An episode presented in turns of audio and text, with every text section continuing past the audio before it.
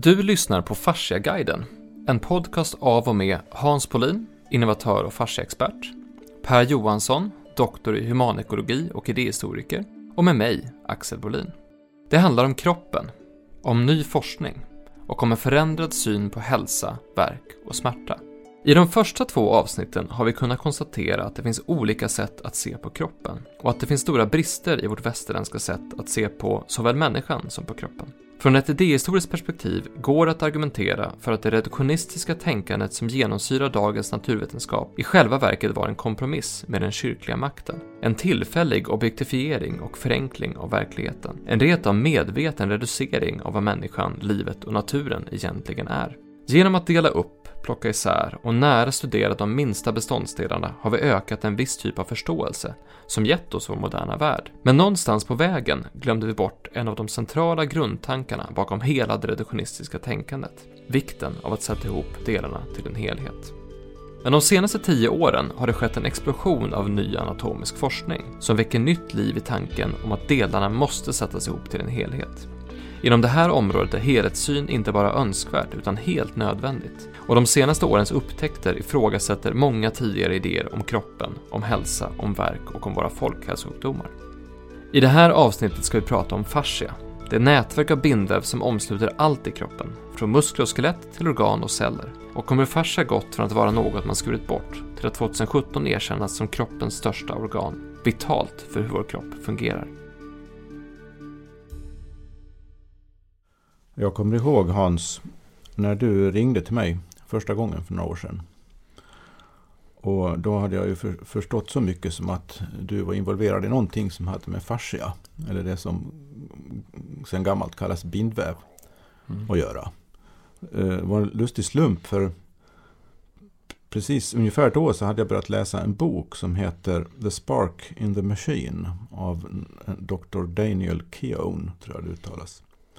Där, där, skriver han ganska mycket om fascia och menar att fascias funktion har någon, är det som skulle kunna förklara, eller åtminstone ge ledtrådar till varför akupunktur fungerar. Det tyckte jag var intressant för att eh, jag hade intresserat mig för akupunktur tidigare undrat över det här att på västerländsk sida så har man ofta sagt att ja, jo, vi kan inte förneka att det fungerar rent behandlingsmässigt på vissa saker i alla fall. Men vi kan inte förklara det.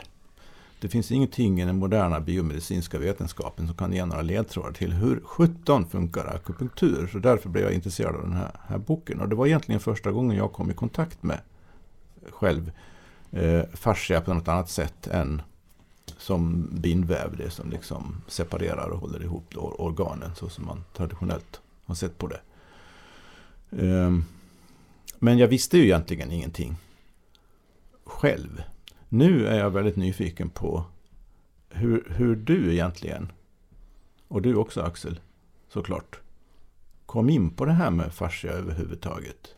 Och vad, på vilket sätt var, varför hamnade fokus där för er? Varför blev det en sån central sak? Det finns ju två historier här skulle jag säga först. Den ena historien är det jag undrar nu. Jag tycker vi börjar där. Hur kom ni in på det här? Den andra historien är fasciaforskningen på senare år.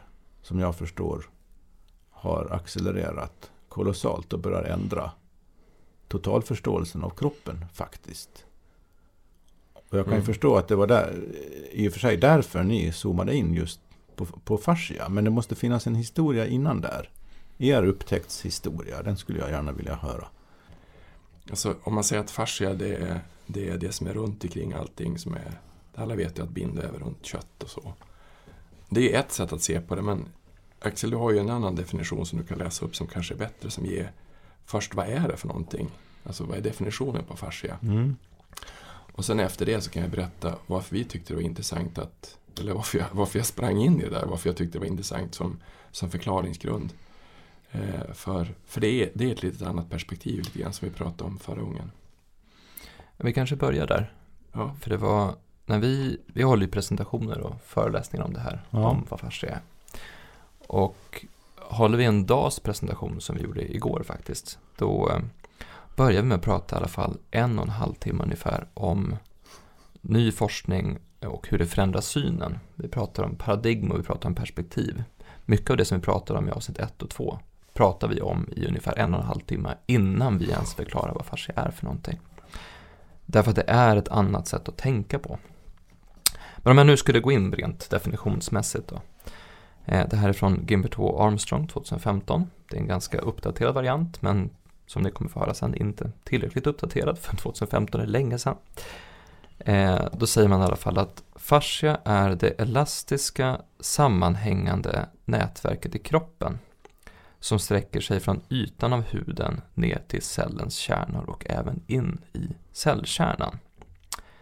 Detta omfattande nätverk är rörligt, anpassningsbart, fraktalt och oregelbundet. Och fraktalt betyder att det är likformigt i sin struktur men i olika skalor, så det är samma struktur som går igen i stora strukturer och små strukturer.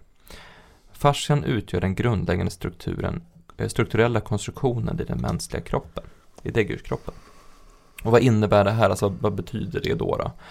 Ja, som du sa så finns ju en tidigare sätt att se på det som att det är ett, det tunna lagret runt en muskel. Alltså alla har ju sett en bit kött och sett att det finns någonting vitt. Och det, rent, det vita är det som kallas för bindväv. Men det här går i linje med en tidigare uppdelning, en tidigare idé om en uppdelad kropp. Mm. Där det är en separator, där Just det är någonting det. som finns emellan, någonting som håller organen isär. Eller någonting som, som finns där. Och det är också därför man historiskt sett har skurit bort det. Så man har tagit för att få fram en muskel eller ett hjärta eller ett, vad som helst så har man skurit bort det vita runt omkring för att kunna se själva delen. Men det man börjar göra är att man börjar titta på men vad är det här vita som vi skär bort? Och vi ska gå in mer i detalj på var, vad är man kommer fram till. Men en uppdaterad version baserad på forskning då från 2011, 13, 14, 15, 18 är att fascia är ett system utan början och slut. Så man kan inte säga att det finns fascia i en bit utan fascia överallt. Och det underhåller och upprättar sammankoppling, kommunikation och interaktion mellan olika delar av kroppen. Så det är som Hans brukar säga att det är en eh, kommunikationsgrid i 3D. Eh, den, men om man vänder på det här så blir den, den senaste definitionen är att alltså, vår kropp, allt i vår kropp, är egentligen bara celler och substansen utanför cellerna som kallas den extracellulära matrisen. Så att en, en, en vävnad, en muskelvävnad, en skelettvävnad och så vidare, det är en grupp celler med liknande uppgift. Om du tittar på beståndsdelen i ett eh, skelett, så ett skelett består av kollagen och mineraler. Eh, en sträng bindväv som du har pratat om, den består av kollagen och elastin. Så det är samma grundbit men det är olika mycket mineral. Och när ett foster bildas så är brosket är också mer kollagen och mindre elastin och så mineraler. Och sen mineraliseras det här brosket så att det blir skelett. Så embryologiskt sett så, så är det samma eh, typ av cell som blir all typ av vävnad i kroppen. Och när man tittar på det så, så kan man säga att den extracellulära matrisen består av fibrer, alltså kollagen, elastin och så vidare, som står för en stabilitet. Och sen är det den flytande gelliknande grundsubstansen alltså hyaluronsyra, glukosaminoglykaner, vatten som ser till att cellmigrering, stötdämpning och glidförmåga fungerar som det ska.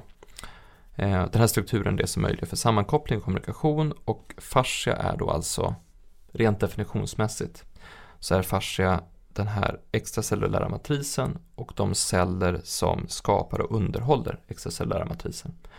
Ehm, alltså det som finns runt omkring alla celler och det som ser till, de celler som ser till att den här strukturen fungerar.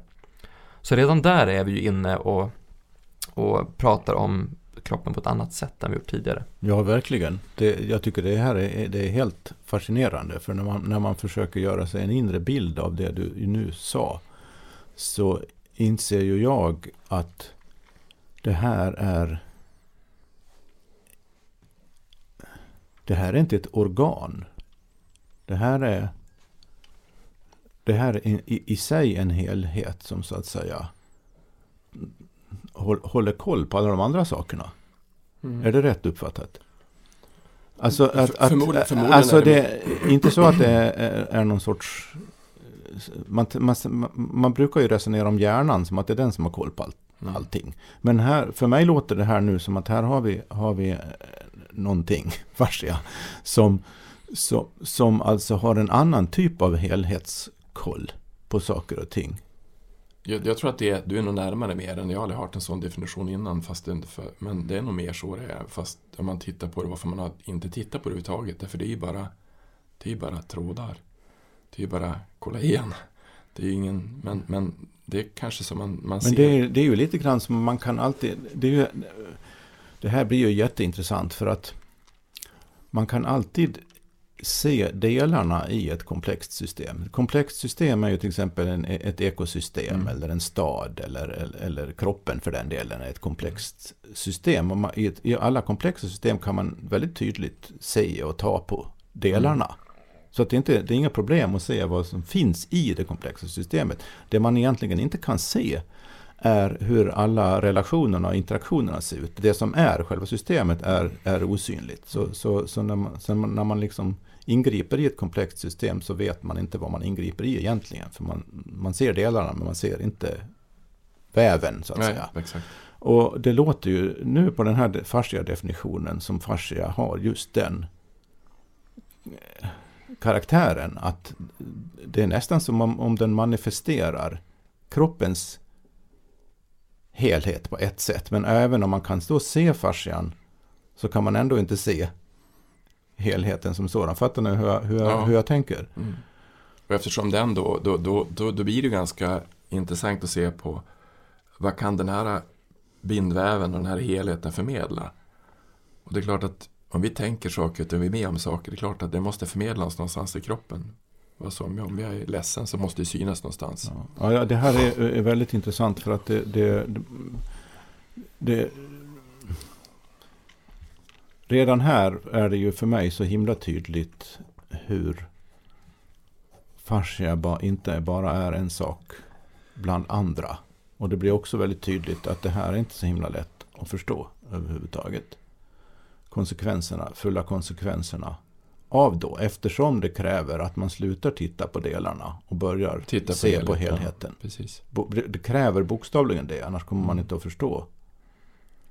Jag tror att det som, alltså, därför blir det alltid när man stöter på, som du sa egentligen, att när du tittade, det som förändrade dig mycket, det var att när du fick konstatera att du är, du är ingen fördärvad gen, du är något mer än en gen, du är en Ja. helhet.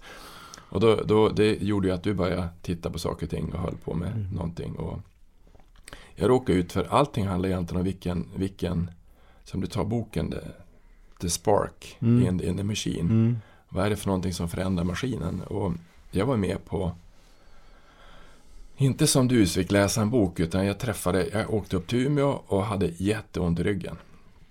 2001. Och eh, då så fick jag tid hos en osteopat. Och han gjorde nästan ingenting fast han förändrade trycket i bröstkorgen. Han sa att du måste släppa, du måste ta av den här rustningen du har på dig. Du måste börja känna. Och så att, vet du vad jag gör? Så jag. Jag jobbar ju jag jobbar i företag. Där ska man inte känna, man måste ha rustning på sig, annars, annars halvdör man ju. Och eh, då sa han, och då gjorde han egentligen väldigt mjukt så fick han mig att släppa, eh, alltså släppa trycket i bröstkorgen. Vilket gjorde att jag fick en helt annan känsla i kroppen. Och, och jag började gråta för det vart ju, det vart ju mer Hans, mindre den andra. Och det var ju egentligen en, en, en, det som jag förstod det att man kan alltså känna mer helhet om man känner efter. Eh, och det vart ju nästan som för mig vart det ju lite ja, eh, det var ju det var ju en fysisk upplevelse och det hade ju att jag hade ont i ryggen. Men i och med att jag släppte trycket i ryggen och i kroppen så släppte så vart ju kroppen bra och ryggvärken släppte. Det var ju inget märkvärdigt egentligen. Men det som var märkvärdigt var hur kunde han veta att jag hade stängt av så mycket? Att jag inte tog in känslor. Eller inte ville ta in så mycket känslor. Eh, så, så det var egentligen min början på civilekonom på DIF. Det var ju början på att jag bara tittade på, vad är, eh, det här är ju lite intressant. Alltså att kan man titta på kroppen, hur kan man göra det här? Vad gör de för någonting egentligen? Eh, så jag började prova med att hålla i, alltså göra det där, se man kan, och det gick ju att göra. Eh, eh, så, så egentligen min början på varför jag började med, alltså, började med att titta på, på ett annat sätt, det var ju för att om, om kroppen kan göra att vi blir mera närvarande, om kroppen kan göra att vi mår bättre genom att få en annan frekvens eller en annan balans på den, då är det lite intressant. Eh, så det var egentligen, det var, alltså min upplevelse av att titta på det där, det var egentligen, jag kan berätta mer vad jag har gjort för någonting sen, men det var väl mer att, att, att vad är det för någonting? Vad är det för någonting vi har missat? Varför, varför kunde han se det där och varför kunde han få min kropp att bli så bra så fort? Eh, genom att göra så lite. Så du gav dig in på osteopatin först då? Ja, då, då sa han så här, då sa han så här, du borde bli osteopat, jag är civilekonom. Och då sa jag, du säger väl till alla att du ska, att de, nej det är den första jag sagt till att jag ska bli osteopat. Så då tittade jag på, det fanns det en osteopatskola i Göteborg. Och då kostar osteopatutbildning typ 30 000 per 30 000 per halvår. Och så skulle det vara, jag tror att det skulle kosta ungefär 300 000 kronor. Och då byta karriär när man är 32 och utbilda, eller kanske mer, 34 kanske. Och, och så börja utbilda sig till osteopat. Så klart när man är 40 med en halv miljon i skuld, det kändes ju sådär lagom till intressant egentligen.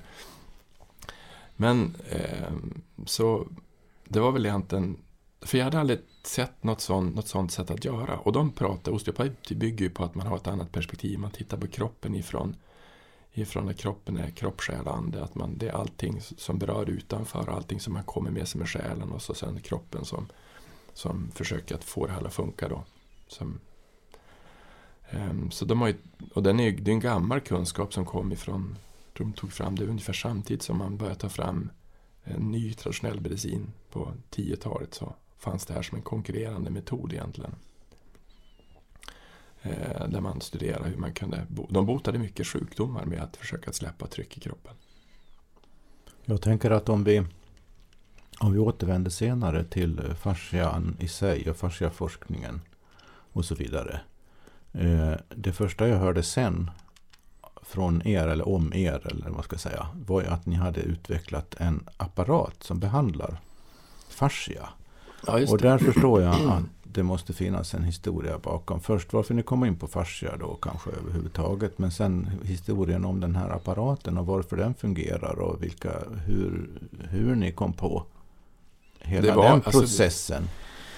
Alltså, så, så, alltså, det som jag egentligen gjorde då så att innan 2000, 2008 så det tog ju typ 9 år, 7 år så började jag på osteopatutbildningen eh, i Stockholm. Men, och då var det kanske lite för mycket nytt på en gång för, för mig att klara av. För det var, jag var fortfarande civilekonom. Eh, och alla andra som jag gick i klassen med de var terapeuter. Och de är rätt duktiga på det de håller på med. De är, de, eller de är, klart de är duktiga, de håller på med, de träffar folk och känner på folk och gör saker och ting. Och, eh, så, så jag gick det där ett halvår och sen så eh, slutade jag för jag tyckte det var för mycket. Men det gick inte att sluta igen, utan då kom det en annan kar som sa att han var kiropraktor och så sa han så jag ska ta in några lärlingar. Och du, jag tar in dig om professor på Karolinska. Ja, så fick jag, en dag i veckan så, så han, träffade jag 20 stycken patienter så fick jag se hur de såg ut. Och då så fick jag lära mig att titta titta vid sidan om, alltså titta på vad, är det för, vad, vad skickar vi ut för signaler, vad är det vi gör för någonting när vi kommer in, vad, vad, vad bär vi med oss? Som egentligen nästan alla barn förmodligen kan och förmodligen alla naturfolk kan också. Det finns andra saker som man kan läsa än vad vi tror är rent mentalt eller för tillfället. Men han sa att det, det viktiga ska göra, du ska ta och försöka behandla kroppen och, och skit i hur folk tänker egentligen, för det är, det är för jobbigt, sa han. Utan försöka behandla kroppen. Eh, och jag, lär, jag var där, så att jag behandlade då typ en, en dag i veckan eller en eller två dagar i veckan. Och det han fick lära mig det var att se, se bortom. Så att jag fick först lära mig att sitta, sätta mig och titta när folk kom in. Fast jag fick blunda och se dem, vad de skickade ut för någonting. Och det låter ju lite suspekt men det var ett sätt att lära sig se bortom. Vad skickar, vad skickar den här vad skickar kroppen ut? Och det är inte så konstigt för alla har känt att när man kommer i ett rum att här har det varit någonting. Här har det varit bråk. Eller här har det varit skönt, eller här har det varit fint. så. så vi har en förmåga att känna in saker och ting, fast vi kanske inte har tränat på det. Och det fick jag träna på. Och sen så ehm, eh, då, sen så vart han sjuk så jag fick, tog jag över hans mottagning. Det som jag såg var att han hade haft ungefär samma folk hela tiden. Och då så slog det mig att det fanns en, en bok som jag hittade som var på, för jag köpte ju all litteratur på osteopatby. Jag köpte ju tio böcker, alltså Atlas och en bok som fanns, den hette Anatomy Trains. Och där fanns det egentligen mera ritstrukturer hur, hur kroppen såg ut. För det var inte anatomi utan det var, det fanns en, en superficial backline och det fanns en armline och det fanns strukturer på egentligen som man kunde enkelt förklara dysfunktioner i kroppen. Och man tog mer, mer upp gravitation och man tog upp biotensegrity och man tog upp en, nästan allting som vi har tittat på sen fanns i den boken fast han var mer autodidakt. Och det man skulle göra i det där det var att man skulle dra i bindväven. Och det gör ju ont, alltså när jag fått bindvävsmassage det gör skit, jätteont. Och det man egentligen gör när man oftast när man behandlar så antingen så trycker man med någonting, en tumme, eller så trycker man mycket med en tumme, eller så drar man. Och då på, på då var det så att vi hade gjort eh, eh, då hade, fanns det en del maskiner som fanns ute men det var inga som vi tyckte var riktigt bra. Som, alltså som fanns, men vi hade hittat några, som var, några maskiner som fanns ute men de såg väl ut sådär. Och då hade jag en, en kompis till mig som, och då var det för hur fungerar kroppen egentligen? Kan man göra maskiner som, man, som gör samma typ av rörelse som vi egentligen gör med tummarna fast lite annorlunda i andra frekvenser? Och då hade jag två kompisar, en som är industridesigner och en som är eh, Eh, eh, ingenjör och en annan kille som också är ingenjör. Så att vi satte oss ner och tittade, kan vi, kan vi göra en maskin som gör det här? Och då skulle den vara Först skulle vi göra att den skulle vara helt kapslib, alltså ett batteri som fanns, men batterierna var för dåliga 2012. Så vi provade, bygga, eller vi provade bygga en maskin och fick den där att funka. Och det som hände egentligen då, det var att eh, med att du kör alltså, frekvenser in i kroppen utav, utav vanliga, Eh, vanliga sinusvågor så påverkar kroppens extracellulära matris, alltså fascian. Och då eh, och det var väl ingen märkvärdigt så att vi, vi provade att balansa, alltså släppa tryck i, i nacke och släppa tryck i eh, försöka att få, få kroppen rak igen. Så det gjorde vi också. Så att vi hade en bilddiagnos. Vi mätte före och efter vad man fick för behandling. Alltså ni tog en bild på personen innan behandling? Ja, innan behandling. Så ba, ba, bakifrån, framifrån. Bokstavligen såg skillnad? Såg skillnad. Så vi kunde egentligen, det var egentligen, vi visade egentligen, så bilddiagnos var också ett sätt för, för oss att visa hela kroppen för den som kom som var patient. Ja, just det. Så att du har ont i, jaha, jag har ont i ryggen. Ja, men du är sned i bäckenet och axlarna är sned. Jaha, är det därför jag har ont i ryggen? Ja, så vi rättar till rygg, om vi till axlarna och rättar till bäckenet och nacken så kommer din ryggverk att försvinna. Jaha. Så då visade vi det. Så vi kunde visa att man kunde öka rörligheten i nacken och man kunde få en bättre hållning i bröstkorgen och man kunde få ett annat eh, lyft i, i bäckenet. Och det gjorde vi med att behandla med maskiner.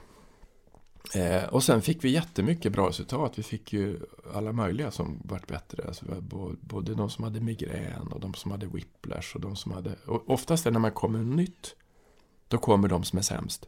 Som har provat allt. Och då blir det ju också lite mirakelkur av det. Eh. Men det var ganska intressant när vi hade, för då, jag kom ju också in här någonstans i bilden. Mm. Eh, för Hans kom och sa att vi skulle starta ett friskvårdsföretag och så sen så, jaha sa jag, det var ju det kanske inte det jag hade tänkt göra men det var, jag, jag letade ett nytt jobb för stunden och det var ganska kul att få lära sig först eh, hur man startar ett bolag och sen hur man använder internet för att få kunder egentligen var det som var mitt jobb. Kan du lära dig få in kunder genom att bygga hemsidor och jobba med Facebook och Google och så vidare. Eh, och då måste man ju direkt skriva ner en förklaring på saker.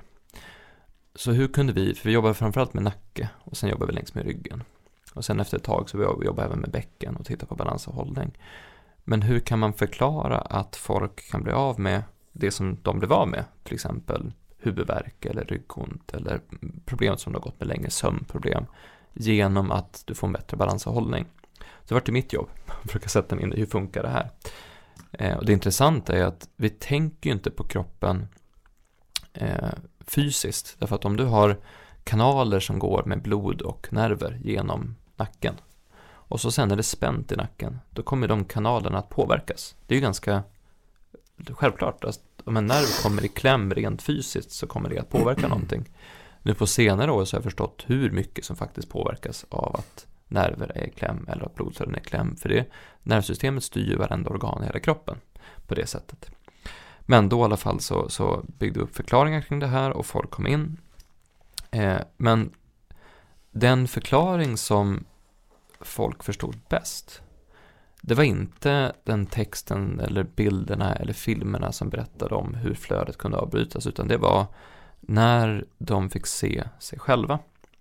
För det som jag gjorde på den här tiden var att jag satt och jobbade på kontoret och med datorn och marknadsförde och, och så vidare, höll koll på våra eh, franchisetagare som hade på den tiden. Och sen när det var, när klockan slog 12, då gick jag in och tog emot dem som var där för en kostnadsfri undersökning.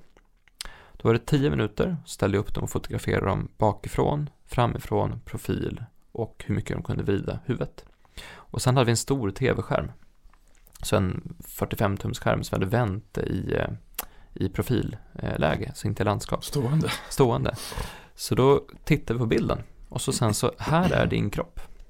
Och så sen så, ja men om du tittar på den här bilden nu så ser du att, om du kollar på din axel, så ser du att den där axeln är lite längre ner än den andra axeln. Ser du det? Ja. Och så skuldran, så att den är lite längre fram. Jaha, oj, ja. Om du tittar på ditt huvud då, är det, du ser den här laserlinjen som är någonstans mitten, det är en lodlinje, vi hade en lasermätare från, som vi hade med det här också. Hur är huvudet positionerat? Ja, det är ju lite till höger, ja precis, det är lite till höger. Och så kollar du på dina armar, ser du att den ena armen är längre fram? Ja, den är längre fram. Och så höften, ja, och så tittar du på profil, ser du att du är framåtlutad? Oj, ser ut sådär. Så då börjar man prata med dem om hur kroppen såg ut. Och det här kunde folk förstå.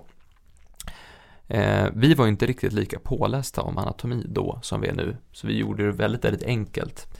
Eh, vilket i och för sig var väldigt bra, för då förstod folk det. Men så vi pratade egentligen om att om du tittar på ditt huvud, om ditt huvud är på väg ditåt, om ditt huvud är 3 cm längre fram än resten av din kropp, vad händer med din kropp då? Och det häftiga var att efter att ha sett 2000 sådana här bilder som, är, som man ser ganska många kroppar efter ett tag, så kan man ganska fort peka ut var smärtan kommer komma. Mm. Därför att har du en viss typ av position så är, i nio fall av tio så har du ont på samma punkter som du har sedan tidigare.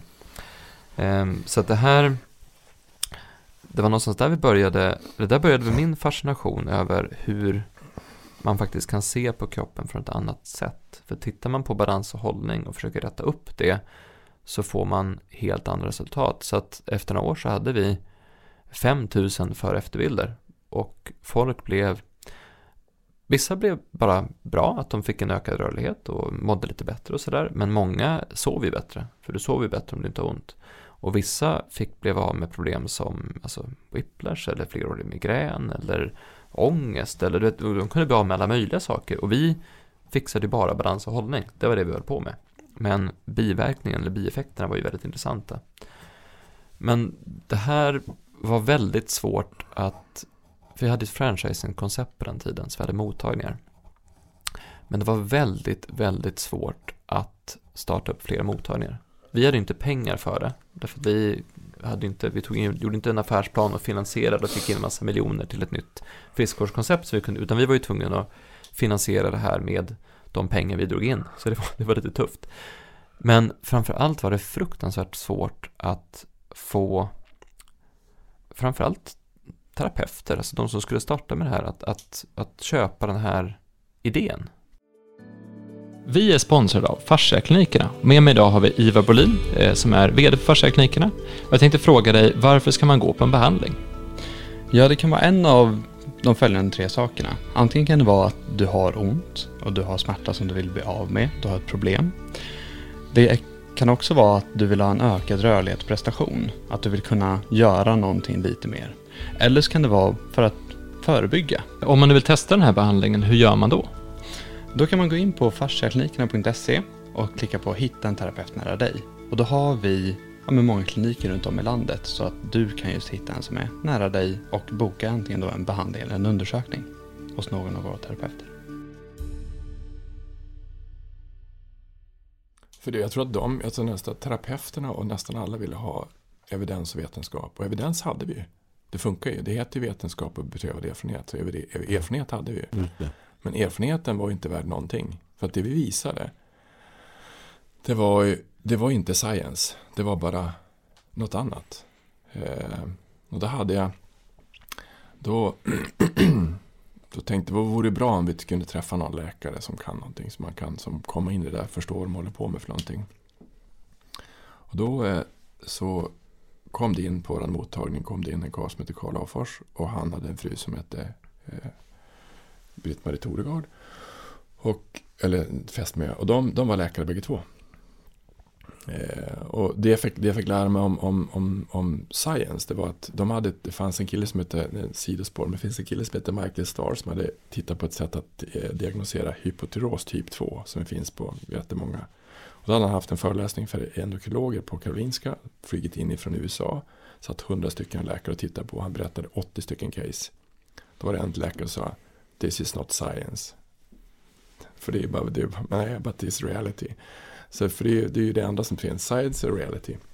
Så det som egentligen vi visade med de här bilddiagnoserna, det var hur folk egentligen såg ut, vilket de aldrig hade sett förut. Det här är reality, så här ser jag ut. Jaha, är jag sned? För de aldrig hade tänkt på det.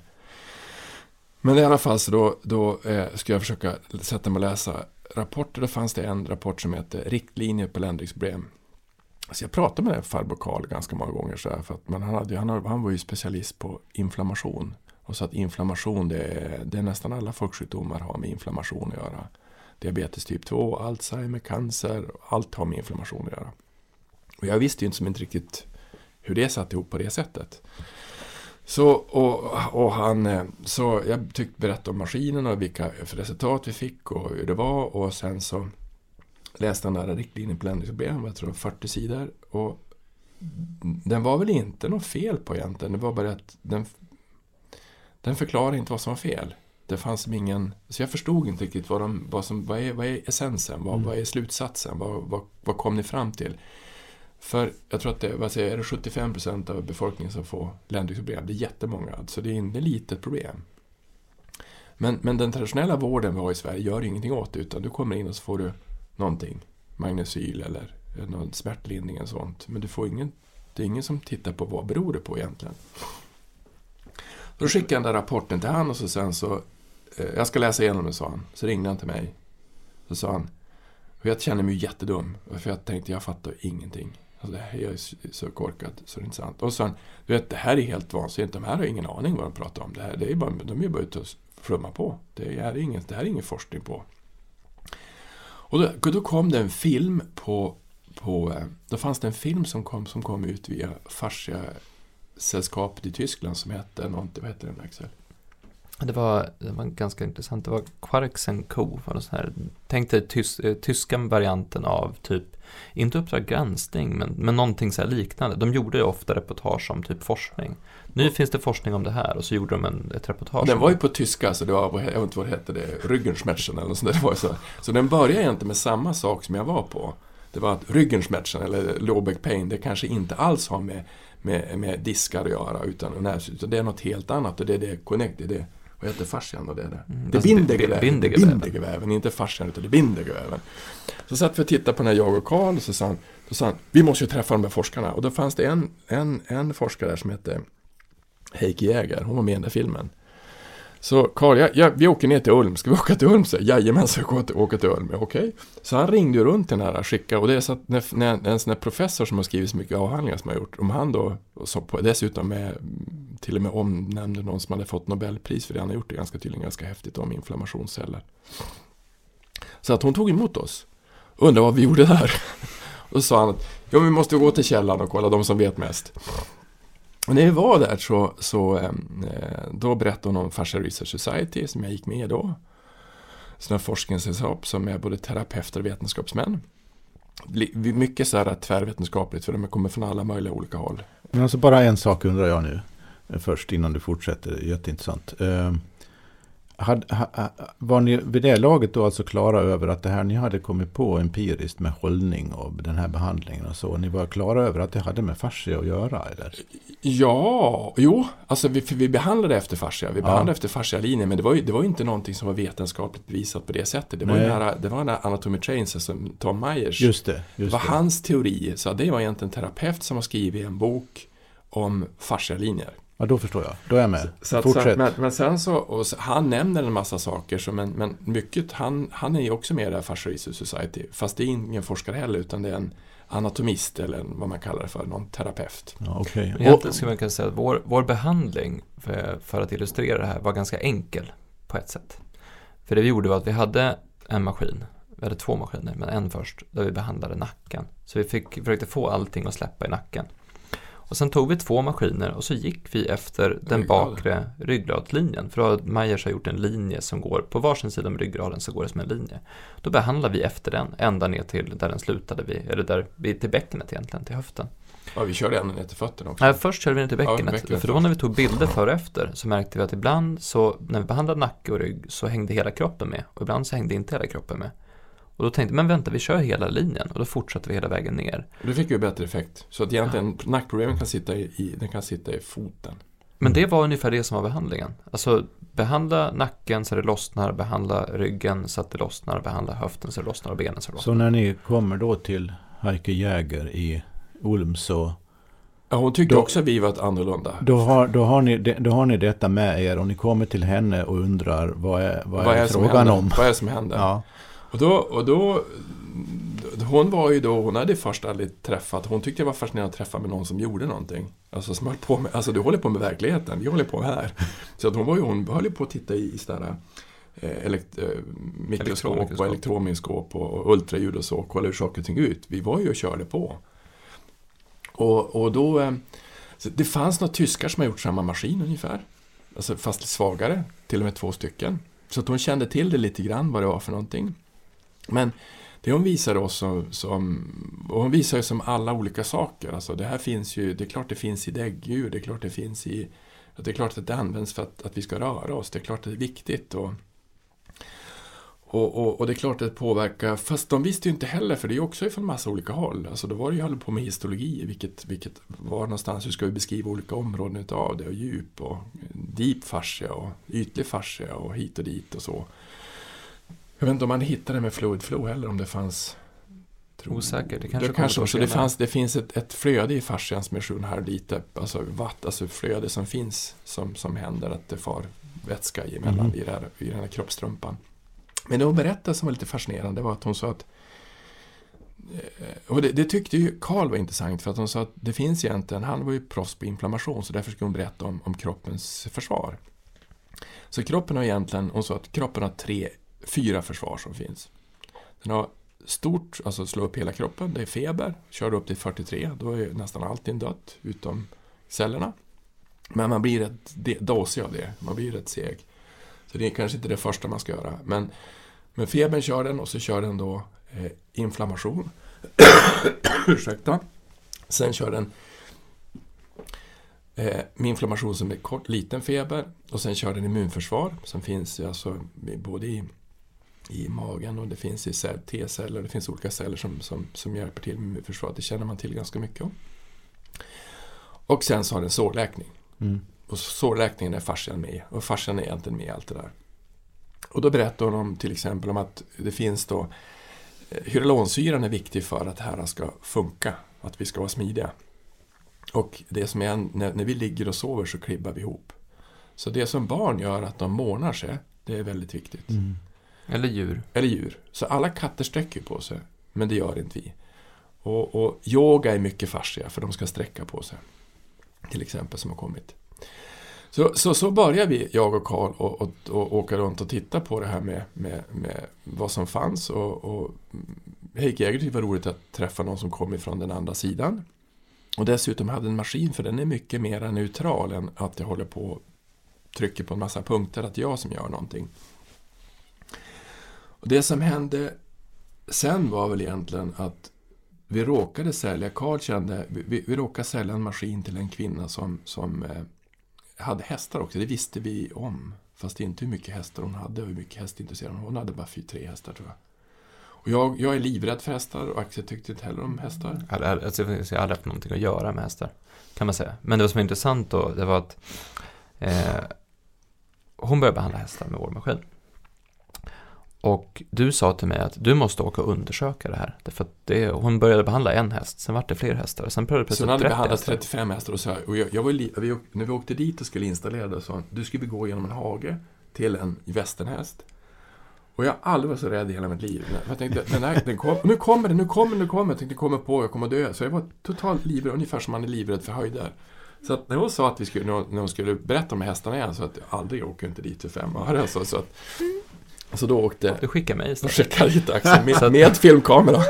Ja, Men så jag åker dit i november och det är samma sak här. Att jag, liksom, så jag tänkte, ja men hon kan ju ganska mycket om kroppen så jag kan väl prata med henne om det så kan vi säkert göra någon artikel om så här, det här med hästar tog jag inte riktigt på allvar. Eh, men sen följde jag med ut i stallet och så sen så visade hon behandlingen på hästarna och jag bara, men det här är helt sjukt. Därför hästarna stod och verkligen, du vet när, när en katt, eh, när man klappar en katt och så kommer katten och liksom drar sig mot den sådär. Så gjorde hästarna mot maskinen. Så de liksom stod där och bara, åh ja, mer, mer, oh vad skönt det här var. Och det var någon häst som just hade fått behandling, han bara slängde med huvudet och bara, ja, nu är maskinen här, nu är det dags att köra igång igen. Och jag bara, men vad, vad är det här? Så jag filmade och såg att, men det här är ju, det här är ju helt sjukt. Så jag ringer till, till Hans medan jag fortfarande är där och säger, du, du, ehm, det här är, det här är skithäftigt, det här måste vi göra någonting åt, det här med hästar. Eh, och det var ju, alltså, ja, vi är intresserade mycket, men just hästar var inte riktigt högst upp på, på intresselistan. Och För. då, då, och då problemet med hästar, de, är- de är ju i, de är ute i stall och, och det för vi hade gjort då, det var när vi hade våran maskin så gjorde den var ju byggd för att vara på inomhus. Så den gick ju på, den gick ju på vanlig ström, så 220 volt. Så att det jag gjorde från början med henne, det var att hon fick en, en maskin med jättelång sladd. Så att hon kunde behandla. Men då, så det går ju inte att ha sladdar överallt. Så då tänkte vi, då, då får vi, så vi, gjorde, vi hittade ett batteri. Så gjorde vi en batteridrift istället. Så att början av januari hade vi en, en maskin som gick på batteri. Och sen så ringde började jag kolla på, ha hästar, vilken frekvens har hästar då? Alltså, hur fungerar För att det som är intressant när man börjar titta på frekvens är att och det är inte så intressant, för det är inte så många som har skrivit om det, men eh, söker du på frekvens, och jag har sagt sökt och sökt, vilken frekvens det är och vilken frekvens det är? Så frekvens är ingenting som finns i, i, i biologi, alltså i alltså medicin på det sättet. Det finns i hjärtats frekvens, man mäter hjärtfrekvens på, på hjärtat. Men inte vilken frekvens, vilken frekvens finns det i, i normal mikrocirkulation för celler? Nej, det fanns inte. Så ringde jag och pratade med Jäger och så då, då hittade jag en, den här Maxon som var Matrix, en annan, en annan konkurrent. Och han sa det att bra mikrocirkulation för cellen det är 8 till 14 hertz eller 8 till 12 hertz. Det var det jag sa. Ja, men 60-tal kanske. 60 Något sånt. kanske. Ja, men där, där någonstans. Och så hittade jag någon annan som att hästar de hade mera 50-12. Så att de hade en annan frekvens. Så då gjorde vi, vi gjorde om programmet lite grann så att de gick lite längre så att de skulle passa hästar. Och så gjorde vi en starkare maskin. Jag tänkte, hästar är ju större. Mm. De är ju, alltså då måste man ju, vet du, 500 kilo, då måste man ha en riktig kalasmaskin där. Det visade sig att det var inte så, utan hästar behöver mindre maskin än vad människor behöver göra. Jaha. Så att behandlingsdjupet är mycket, mycket mindre på hästar egentligen vad det är på och hundar än vad det är på människor. Mm. Så det var en sån där konstig upptäckt som vi hade. Så då började vi ha olika behandlingsdjup på maskinerna. Men sen bytte vi, vänta bara, så egentligen är det, man kan, ha, man kan köra hästar med samma behandlingsdjup som människor också, men det är människor som behöver mer behandlingsdjup än, än, det är intressant det där, det, alltså, om, man, om man tänker hästen är större och du säger jaha som förvånad över det här, men om man tittar på hur hästen ser ut så är rent anatomiskt, så vi har väl ungefär, men jag tror att det är, om jag inte minns rätt nu så är det 13% av vår kroppsvikt är skelett, eller 13% av vår kropp är skelett, men på hästen så är det 6%. Ja. För de har mycket, mycket mer vävnad. Mm. Och har du mycket mer vävnad så har du mycket mer eh, saker som rör sig, saker som kan fånga upp vibrationer. Och hästens hud är ju så känslig så att när en fluga landar så känner de ju Mm. det väldigt tydligt. Eh, och det, så har ju inte vi det på samma sätt. Vi kanske skulle kunna ha det, men vi har det inte. Så att det är inte konstigt att de är känsliga egentligen. Det intressanta i alla fall var att när vi väl började eh, gjorde- göra den här filmen av det jag spelade in i november. Och så började vi lägga upp en liten enkel kort sida. En sida om, här är introduktionen och en sida om, här är lite mer fördjupning om hästar. Då kom intresset. Så vi hade kämpat i flera år med att, med att sälja in det här konceptet till terapeuter och till, för att få fack För att behandla människor. mottagning för att behandla människor. Så fort vi switchade över till häst så kom det tre kunder bara av farten, bara poff, poff, poff, på en gång.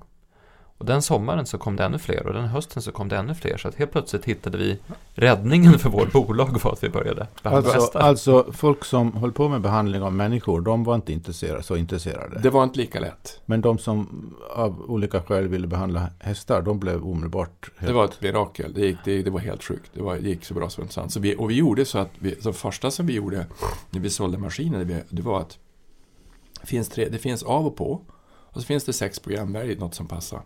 För du är ju duktig, du är ju terapeut. Så sen så var det så att då när jag började, för då var det en, en, en karl jag träffade, som, eller en kompis med som, för hästar, jag kunde ju ingenting. Alltså det var, alltså utav allt, jag visste att det fanns travhästar och hopphästar och och dressyr, alltså, men jag var ju inte för, intresserad för fem öre. Det, var- det var ingenting som jag hade tittat på. Utav allt jag tittade på så har jag inte tittat på hästar. Och då ringde jag till min brorsa och så sen så du vet, känner du någon som kan någonting om hästar? Jo, Mellberg kan ju något om hästar. Jaha, men, alltså det var en kille som jag kände sen förut som har varit på Agria, som är ett försäkringsbolag, som höll på med att försäkra djur. Mest smådjur, inte så mycket hästar. Och då hade han varit på Agria.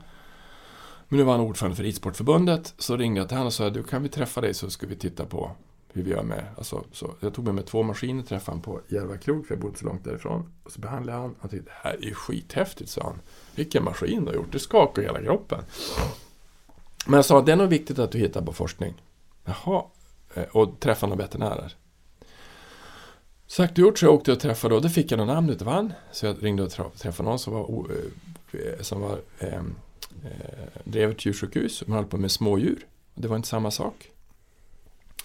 Och så träffade jag några, två stycken som höll på med, en som höll på var med biomekaniken på en häst och en som höll på med att vara kirurg på en häst. Och då frågade jag, hur ser ni på fascian? Ja, så, vad, vad pratar du om? Ja, men alltså fascialinjerna. Det finns väl inga fascialinjer, sa de. Alltså, fin, vadå fascia? Ja, men alltså, och då hade vi ägnat då ett par år att nu är vi, nu är vi inne på fascian här. Och så kom vi in, nej, det finns ju ingen fascia. Nähä, så jag. Det var spännande, men det finns ju på människor, för gör det. Jaha. Och så ringde jag då till en, och, och då, det vart ju lite, för då gick det ju, vad ska vi göra forskning på då? Om vi, vi håller på med fascia, så gör vi, det är inte fascia längre, utan nu är det något annat vi håller på med. Då vart det ju ännu rörigare, så då, då ringde jag till eh, en Ras, Lars Rostov, så han är jätteduktig på allt. Han, han, är till och med, han har mätt till exempel, han mäter, han håller på med biomekanik, så han kollar på hur hästen springer. Och han har varit med att mäta hur, eh, hur mjuk är sanden som de hoppar på. Är den för hård, då blir de trasiga. Så att han är med och på alla sådana stora hästtävlingar är han med och kollar hur sanden och mäter hur den är. Och, och stora sådana som, ja, han kan en massa saker. Så ringde jag och pratade med honom och så, så de fascia, nej, det vet jag inte om det finns någon fascia. Så, vad, vad menar de om det? Alltså, så. Det är ingenting som finns. Nej. Men det finns en veterinär i, i Köpenhamn. Hon pratar precis som du. Vad häftigt så. Ja. Så ringde jag till den här eh, Vibeke Elbron som hon hette då. Och jag ringde och ringde och ringde och ringde. Hon svarade aldrig. Jag ringde och ringde och ringde och svarade aldrig. Och så sen så, till slut fick jag tag i henne. Det tog kanske någon månad. Jag tror jag ringde hon varje dag. En månad. Så hon var väl rätt less på att det ringde. Till slut så fick jag tag i henne. Vad vill du? Och så berättade jag så här. Du, finns det... Jag vet att du har hört att från Lars att du håller på med hästar. Eh, finns det samma fascialiner på hästar som det finns på människor? Och så svarade hon mig på danska och jag hörde inte riktigt vad hon sa tänkte jag. Jag förstår inte danska. Så att jag frågade en gång till. Finns det samma fascialiner på där? Och så svarade hon en gång till. Till slut att jag, jag så sa att Is it the same? Me och fascia lines on horses then? Yes, 95% the same. Så att sen pratar jag alltid engelska med honom för jag förstår inte vad hon säger. Och sen, sen så eh, provade jag, hur går det? Jag, jag har gjort en, en grundforskning på 25 stycken hästar, vi håller på med den, är snart klar. Bra, kan du skicka mig vad du har kommit fram till? Nej. Nej, för jag har inte publicerat den än. Ja, men kan jag inte få kolla på? Alltså, nej, det går inte. Då visade det sig att då hade han gjort en liten artikel innan då och ritat upp de här linjerna på hästarna, alltså måla ut dem, hur de låg. Och hur det här kunde då vara ett sätt att förstå biomekaniken på en häst, hur den funkar. Fortfarande ordet biomekanik, alltså mekaniskt. Så i alla fall, så då, eh, jag fick, eh, så i alla fall så jag gav mig inte, så jag åkte dit och träffade honom, vilket jag gjorde till slut på jag åkte dit på... Alltså det roliga var att precis innan du åkte dit så fick vi faktiskt en bild, en kritad bild av de här linjerna. Och då Ja, tog vi det. en krita och ritade upp på hästen. Och så Och det- satte vi maskinen på Och det linjerna. for efter kritan. Mm. Och det vart helt fantastiskt resultat. Alltså du satte den i nacken och du kände av det i bakbenet. Alltså det var, Så jag satt och sökte, jag satt och sökte på, jag vet inte hur jag hittade det, men någon natt hitt- hittade jag den här, hon hade gjort som de här linjerna, så vi skrev ut den, ritade upp det på hästen och så körde vi och det funkade. det var med i vår första instruktionsbok. Var det Ja. Okej. Ja, i alla fall så då, då, eh, eh, då eh, så åkte jag och träffade henne och sen så då eh, träffade jag också Adrian Harrison som var då professor där också. I alla fall, så då, det vi egentligen gjorde då, då sa han att vi kan göra en studie på, jag kan, vi kan göra en studie på, det, på hästar. Och egentligen det var att de ville göra en studie på våran maskin utifrån hennes grundforskning. Och den skulle publiceras då samma höst. Och det var jättebra att hon, för då hade hon gjort en test själv, manuellt, att ändra på strukturen och fått hela kroppen att ändra sig. Typ akupressur kanske, något sånt. Och hon höll också på med akupunktur och hon höll på med kiropraktik. Så i alla fall, så då gjorde vi en studie med eh, hösten 2014. På, vi skulle vara 21 hästar men vart sju, för jag hade inte råd att betala för 21 hästar. Och det han egentligen gjorde det var att vi mätte eh, sex stycken stora muskler på, på, på ena sidan av hästen, sex stycken stora muskler på andra sidan av hästen med något som heter bioimpedans. Och med bioimpedans kan man mäta den extracellulära matrisen och hur egentligen cellerna ser ut i muskeln via impedans, motstånd, i olika frekvenser. Det är också frekvenser. I alla fall, så det vi gjorde då det var att vi skulle göra den här studien och eh, den eh, då skulle vi göra så att hon gjorde han skulle mäta musklerna, hon skulle, hon skulle göra en, en, en eh, vet, veterinärinspektion av varje häst, tog 45 minuter. Och sen ska vi köra våran maskin efter några fascialinjer. Så hur mycket ska du köra då? Ska vi behandla 10 minuter, 20 minuter eller, eller en halvtimme? Vad gör vi för någonting för att förändra? Nej, det blir... Hur mycket är en sån här svängning? Ja, den är ju... Det är en halv sekund, säger han. Då kör vi två svängar. Prutt. Nej, men nej. Ska vi göra det? Jo. Då körde vi brutt och så körde vi brutt på hästen. Det var det enda vi gjorde. Kanske typ fem sekunders behandling. Funkar det så kommer det ge effekt i hela kroppen. Var det på två olika punkter då? Två olika punkter. Ja. En i nacken och en i, i, i, i, alltså i korset i Ja. ländryggen. Men på ena sidan. Så bara på vänster sida. Och så mätte vi vänster och höger sida. Och det förändrades både på vänster och höger sida på alla hästar. Och det förändrades efter en timme. Och det förändrades efter 24. 24 timmar efter 48 timmar. Så den här bindväven hade nog ganska stor betydelse för hur saker och ting förändras i kroppen.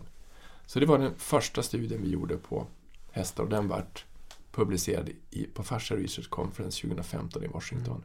Det var den första, svenska, den första forskningsstudien på fascia som någon svensk har deltagit i. Av vad jag vet. Ja. Det var du. Och det var den första som var på, på hästar också. Ja. Så att då, ett år senare då så, eh, då är det någonting som heter Fascia Research Congress. Och det var den fjärde. Eh, för det, jag berättade tidigare om att man började titta på det här med, med fascia. Vad, man började, men vad är det vi skär bort egentligen? Det, det började man göra redan på, på 70-talet. Eh, säkert innan det också. Men det var då man började liksom börjar dissekera folk och titta just på fascia. Det är då Myers kom med sina fascialinjer och en annan som tidigt var på det här är Jill Hedley som också dissekerade mycket folk och började titta på samband. Och han sa att det är som ett, ett fotonegativ, att man har sett det på ena sättet och sen bara ser man det på ett helt annat sätt. Men allt det här var ju ganska uppdelat så att det, det skedde ju vissa saker i USA, vissa höll på i Tyskland och några på Italien och några i Australien. Så att på många ställen hade man upptäckt ungefär samma sak. Men runt 2005, eh, runt 2000-2005, då började man samla det här. Och det är ju, för oss som sitter här idag så kan vi tänka att det fanns ju en uppenbar anledning till att man kunde samla allting. Och den heter ju internet. Det gick ju faktiskt att koppla ihop saker på ett annat sätt. När man kunde mejla istället för när man behövde typ åka eller skicka brev. Eller vad tusan man gjorde innan internet. Ehm, Men så 2005 hölls den första Fascia Research Congress och då var det inte alls många som var med. Men 2015 då, då hölls den fjärde. Och då sa vi att vi åker dit. Eh, och då åkte vi dit eh, ganska många. Så att Hans åkte dit och jag åkte dit, för det var vi som var det operativa bolaget på den tiden. Det var de enda två anställda som fanns. Men vi tog med oss styrelseordförande, en terapeut som vi har jobbat med, hennes pappa följde med, för han Mm. hade just eh, köpt lite små aktier i bolaget. Och sen fick vi med oss han Lars mig. veterinären som Hans hade träffat eh, ett år tidigare då, och som skickade oss till Vibeke. Och vi var ju där för att eh, eh, vår studie om maskinens behandling presenterades i samband med Vibekes eh, studie. Och för att se vad, vad är det här med fascia? För vi hade ju någonstans sett resultaten, börjat titta på att det funkar och börjar se att vi har en maskin som behandlar fascia, fast jag tror inte vi pratade om att det var, att det var just fascia maskinen behandlade på samma sätt heller innan det. Men när vi då kom dit så det var inte så stort. Vi hade ju åkt runt jag och Hans tidigare och på konferenser i USA, så här marknadsföringskonferenser och då är det ju mycket pådrag och häftigt och rockstjärnor. De gick upp till massa musik och så här. Det här var ju en forskningskongress alltså. Det var en annan, det var en annan eh, torrhet över, över presentationerna. Så vi sitter där i salen och så sen sitter vi och tittar på det och det var rätt, alltså jag hade ju inte läst mycket anatomi då. Det, det, jag hade ju de här nervsystemet och hållningen och kotorna och sådär, det hade jag som koll på sen tidigare, men, men anatomi. Och när de då det första de gjorde började prata om i en timme hade en lång eh, diskussion kring eh, nomenklatur Och och histologi. Alltså vad ska, vi, vad ska vi kalla de här olika delarna? Ska det heta fasciafält eller fascialinjer? Och vad, vad definierar vi som fascia? Och, vad, så, och vet, sitta där som lekman och bara Hopp, ja det här var ju kul. Men det som är intressant var att, för då tänkte jag det är jag som är dum. Och så sen ju mer jag lyssnade så tänkte jag, men jag hänger, jag förstår ungefär 10% av det de pratar om, kanske, om ens det. Men då börjar man titta på andra saker. Och då börjar jag titta på vad är det de, vad är det de gör egentligen? Och det var så mycket interna bråk och interna stridigheter på den här kongressen. Och det tydligaste exemplet var när en av de som höll i det eh, öppet på, på scen i princip hånade sin kollega för att han hade bytt behandlingsmetod. Han hade liksom lämnat den sanna vägen och gått in på ett, ett, eh, en hädelse som var den här, den andra behandlingsmetoden. Och det var mycket, det var mycket och sen var de ju eh, skitdåliga på att få folk att förstå vad de höll på med. Du var tvungen att vara extremt insatt i exakt deras mätmetoder, deras eh, eh, forskning, deras bakgrundskunskap för att knappt ens, alltså ens förstå vad det var. Och eftersom att jag jobbade ju där med att försöka få eh, vanliga människor att förstå fascia och hade då läst på en del, men om jag inte ens förstod vad de pratade om, alltså en- inte ens en bråkdel av det, då är det någonting som är, det finns ett glapp här. Det här glappet borde vi kunna fylla. Eh, så dag två så gick inte jag på några föreläsningar. Utan jag eh, använde mitt presspass som vi hade fixat till mig. Så jag stod som journalist. Eh, så jag fick till och med komma in i pressrummet där. Där fanns det ju gratis vatten och bananer och det så här, kanonbra. Men jag hade en kamera. Så jag började leta upp de här forskarna jag kände igen från Fascia-dokumentären. Och började intervjua dem.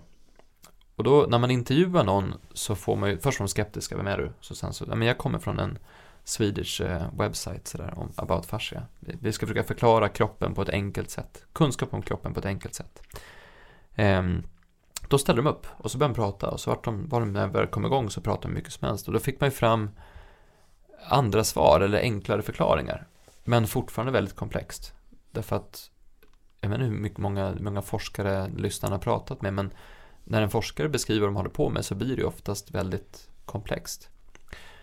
Men materialet vi fick med oss och det vi, det vi eh, började samla in, då tog vi ett beslut efter det att vi ska, vi ska bli riktigt bra på att förklara fascia. Vi ska försöka förstå vad det här är för någonting och hitta ett sätt att förklara det på ett enkelt sätt. Eh, Men så som vi sa i början där så, så är det inte så enkelt att förklara fascia eftersom att det är ett annat pers- per perspektiv. Mm. Så vi började ha träffar för våra kunder efter det här. Och eh, det var faktiskt efter det här som vi började med det. Hösten 2015. Mm. Och när vi förklarar fascia så började vi alltid med att prata om paradigm och perspektiv. Och att det här är ett annat sätt att tänka på. Det säger ju någonting då om hur kraftigt bilden av kroppen förändras i och med den här forskningen. Det är inte måttligt heller. Egentligen. Men, Nej. for, men fortsätt. Mm. Nej men det var, det är, kombinationen just att, att man, man ser ett resultat av att man gör någonting och så sen så ser man just hur, eh, om jag säger så här, det som, det som slog mig på Fascia Research Congress, det var att det här är på riktigt. Det här är inte någonting som, det är inte en teori som någon bara hittat på för att försöka förklara någonting, utan det här är, det här är forskning. Det här är liksom, de visade experiment på, på möss där de hade eh, skurit bort en bit av bindväven och därmed hade hela funktionen i kroppen förändrats. Så de visade möss som hade fått massage och därmed under du vet, så här, fem minuter massage på en mus per dag i tre, alltså tre veckor och så hade man sett att det hade blivit en förändring. Och, eh, de visade på väldigt, då, då, tyska han som är head physio för tyska fotbollslandslaget var där och pratade om hur de hade fått in eh, eh, fascia behandling och fascia stretch i eh, landslagssamlingarna. Eh, och det här var ju precis efter Tyskland hade vunnit fotbolls-VM. Eh, och de hade ju inte så mycket skador på det sättet. Så att det, tänkte man, det, det börjar ändå hända någonting. Det här är någonting som faktiskt är på gång. Eh, och då satt vi sen under hela våren 2016 och tog fram våran akademi. Och då mm. försökte vi titta på, vi hade en digital akademi för våra kunder där vi pratade just om fascia. Och så sen så försökte vi se vad är de vad är de viktigaste bitarna som man behöver ha med sig för att förstå fascia? Det var inte, det var inte helt lätt, därför att vi, vi insåg att det här är mycket större än bara någonting vi kan använda för att förklara varför vår behandling fungerar. Det här är en upptäckt som, som faktiskt kommer förändra saker i, i grund och botten. Och alltså dels rent anatomiskt, alltså här har du någonting som, som är eh, det är anatomi. Det är som, som Vibeke sa i en film som jag spelat in, att fascia det är anatomi, det är inget hokus pokus. Du har sett att så här, så här sitter kroppen ihop. Och man kan se det för att man har undersökt saker man inte har undersökt tidigare. Eh, rent praktiskt så har ju vi den här erfarenheten att vi har behandlat på ett sätt och vi får otroliga resultat. Och vi har använt, vi har anpassat vår behandling för fascia. Och ju mer vi anpassat den för fascia, desto snabbare blir behandlingsresultaten, desto mer kan vi öka just balans och hållning, rörlighet och få kroppen att fungera på ett optimalt sätt. Ehm, men så som vi sa på våra träffar som jag pratat om, det är att det är ett annat perspektiv.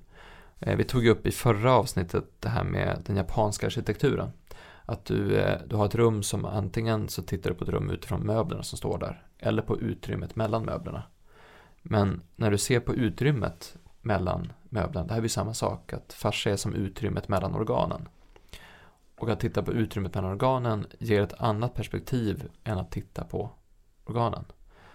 Och det är väl där någonstans vi har kommit in att det här är ett, det är ett nytt paradigm. Vi måste tänka helhet, men vi är väldigt programmerade till att tänka delar.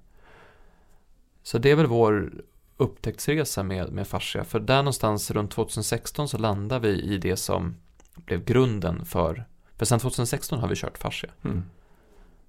Då vi, då vi, vi, egentligen har vi, det är lite kul, egentligen har vi ägnat all vår tid sedan 2016 med att försöka förklara fascia. Mm. För det är det vi gör när vi försöker sälja våra produkter. Vi, vi försöker först att sälja fascia och sen förklarar vi vad produkten gör med fascia. Därför att förstår man fascia då förstår man varför maskinen fungerar så bra som den gör. Och det är egentligen det programmet handlar om, människan, människan och kroppen i ett annat perspektiv. Och det perspektivet är, gör att vi måste se på kroppen på ett helt annat, på ett helt annat sätt. Mm. Um, jag skulle vilja avsluta det här, den här delen då med... Du började ju med att referera och delvis citera en definition av fascia från 2015 sa du. Och så nämnde du i hastigheten att det här, det finns ännu senare definitioner här. Nu, så hur, hur, hur, vad är, hur är forskningsläget på definitionen av fascia och allt den har betydelse för nu då? Alltså det finns, det beror på vilken, vilken, vilket nu du frågar efter. Nu hösten 2019 eller nu våren 2018. det är det som är så bökigt. Ja, jag förstår. Eh, I utbildningen vi tog fram 2018 så hade, finns det en modell som är just eh, man tittar på densitet och man tittar på regelbundenhet och så tittar man på vad som faktiskt ingår i fascia. Om, om jag, jag tänker att om, om, om, om du beskriver det i termer som gör att man som lyssnare kan göra sig en bild av det i relation till sin egen kropp. Mm. Först och främst. Och sen utifrån det lite grann hur det fungerar. Jag Mera att på den, ett biologiskt plan. Skulle det gå?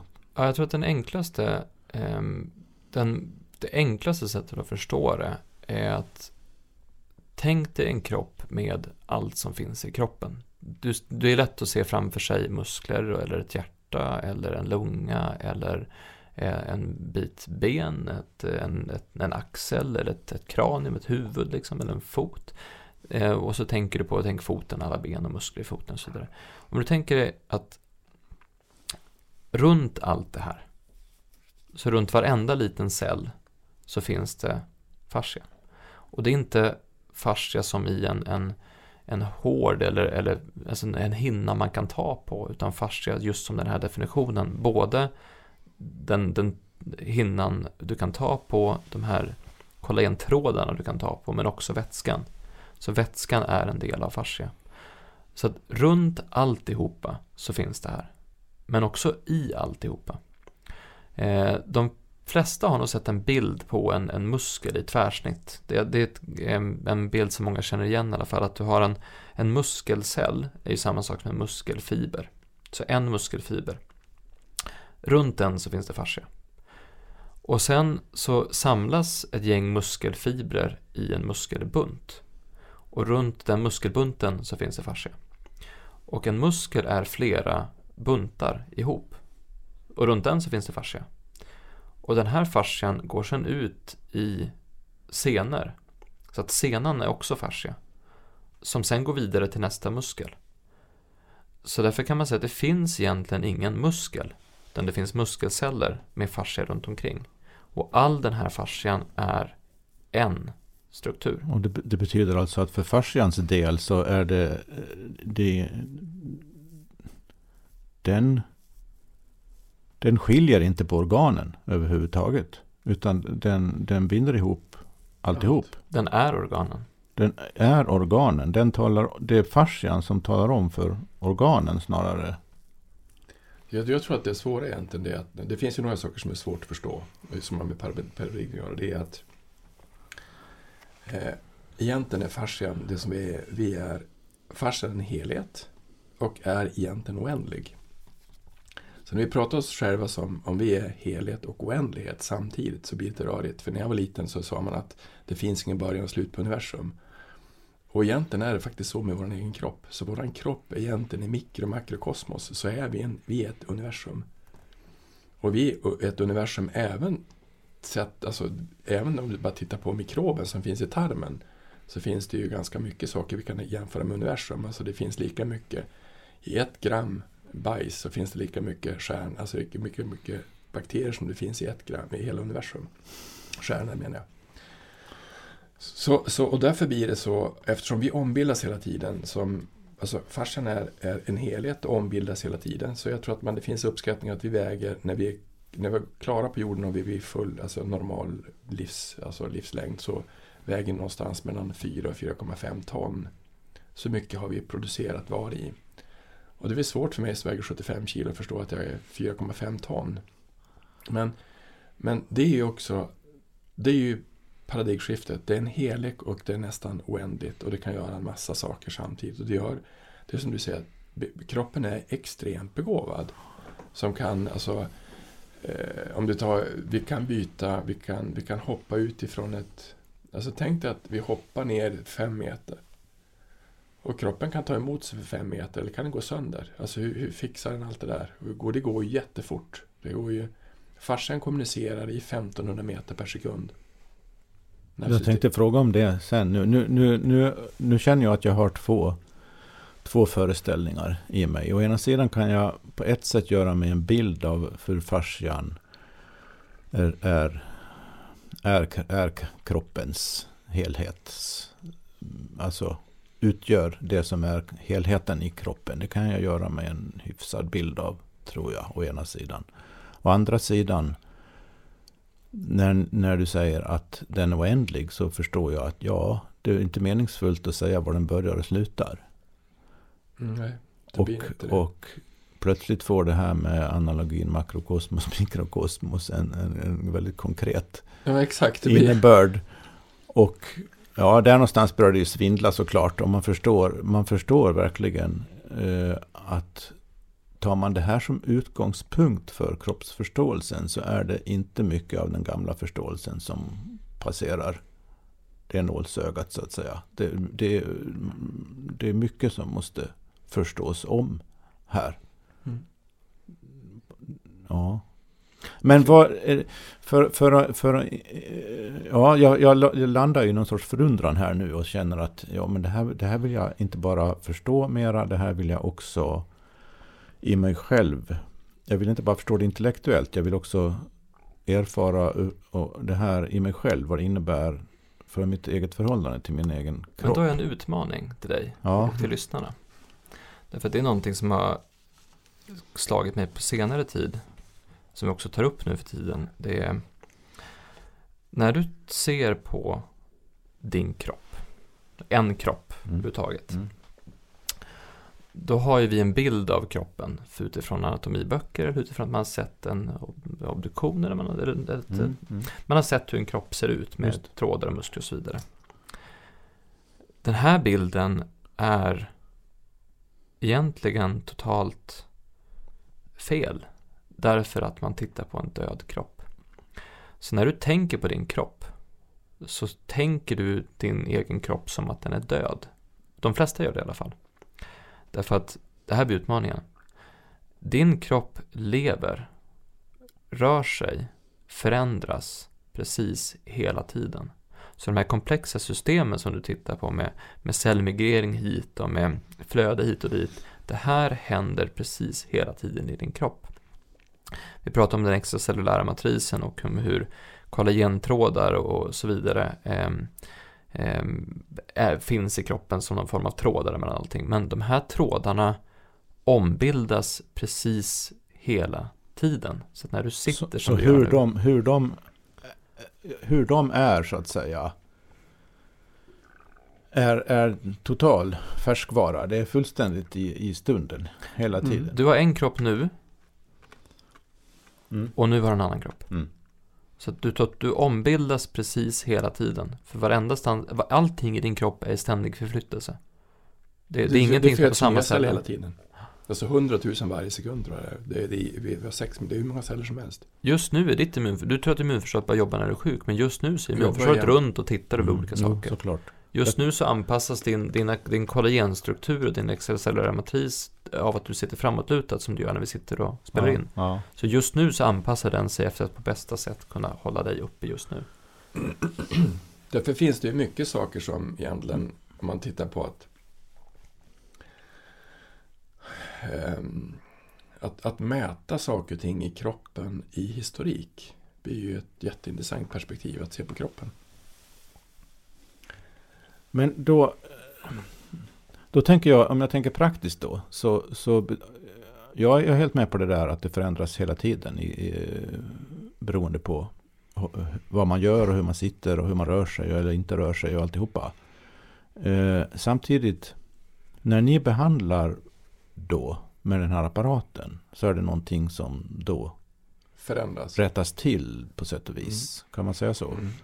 Och, men om, om, om, om vi säger att, jag, att man inte har tillgång till den här apparaten då. Det måste ju finnas nå, något sätt att göra, att inte låta kroppen fastna i vissa lägen då.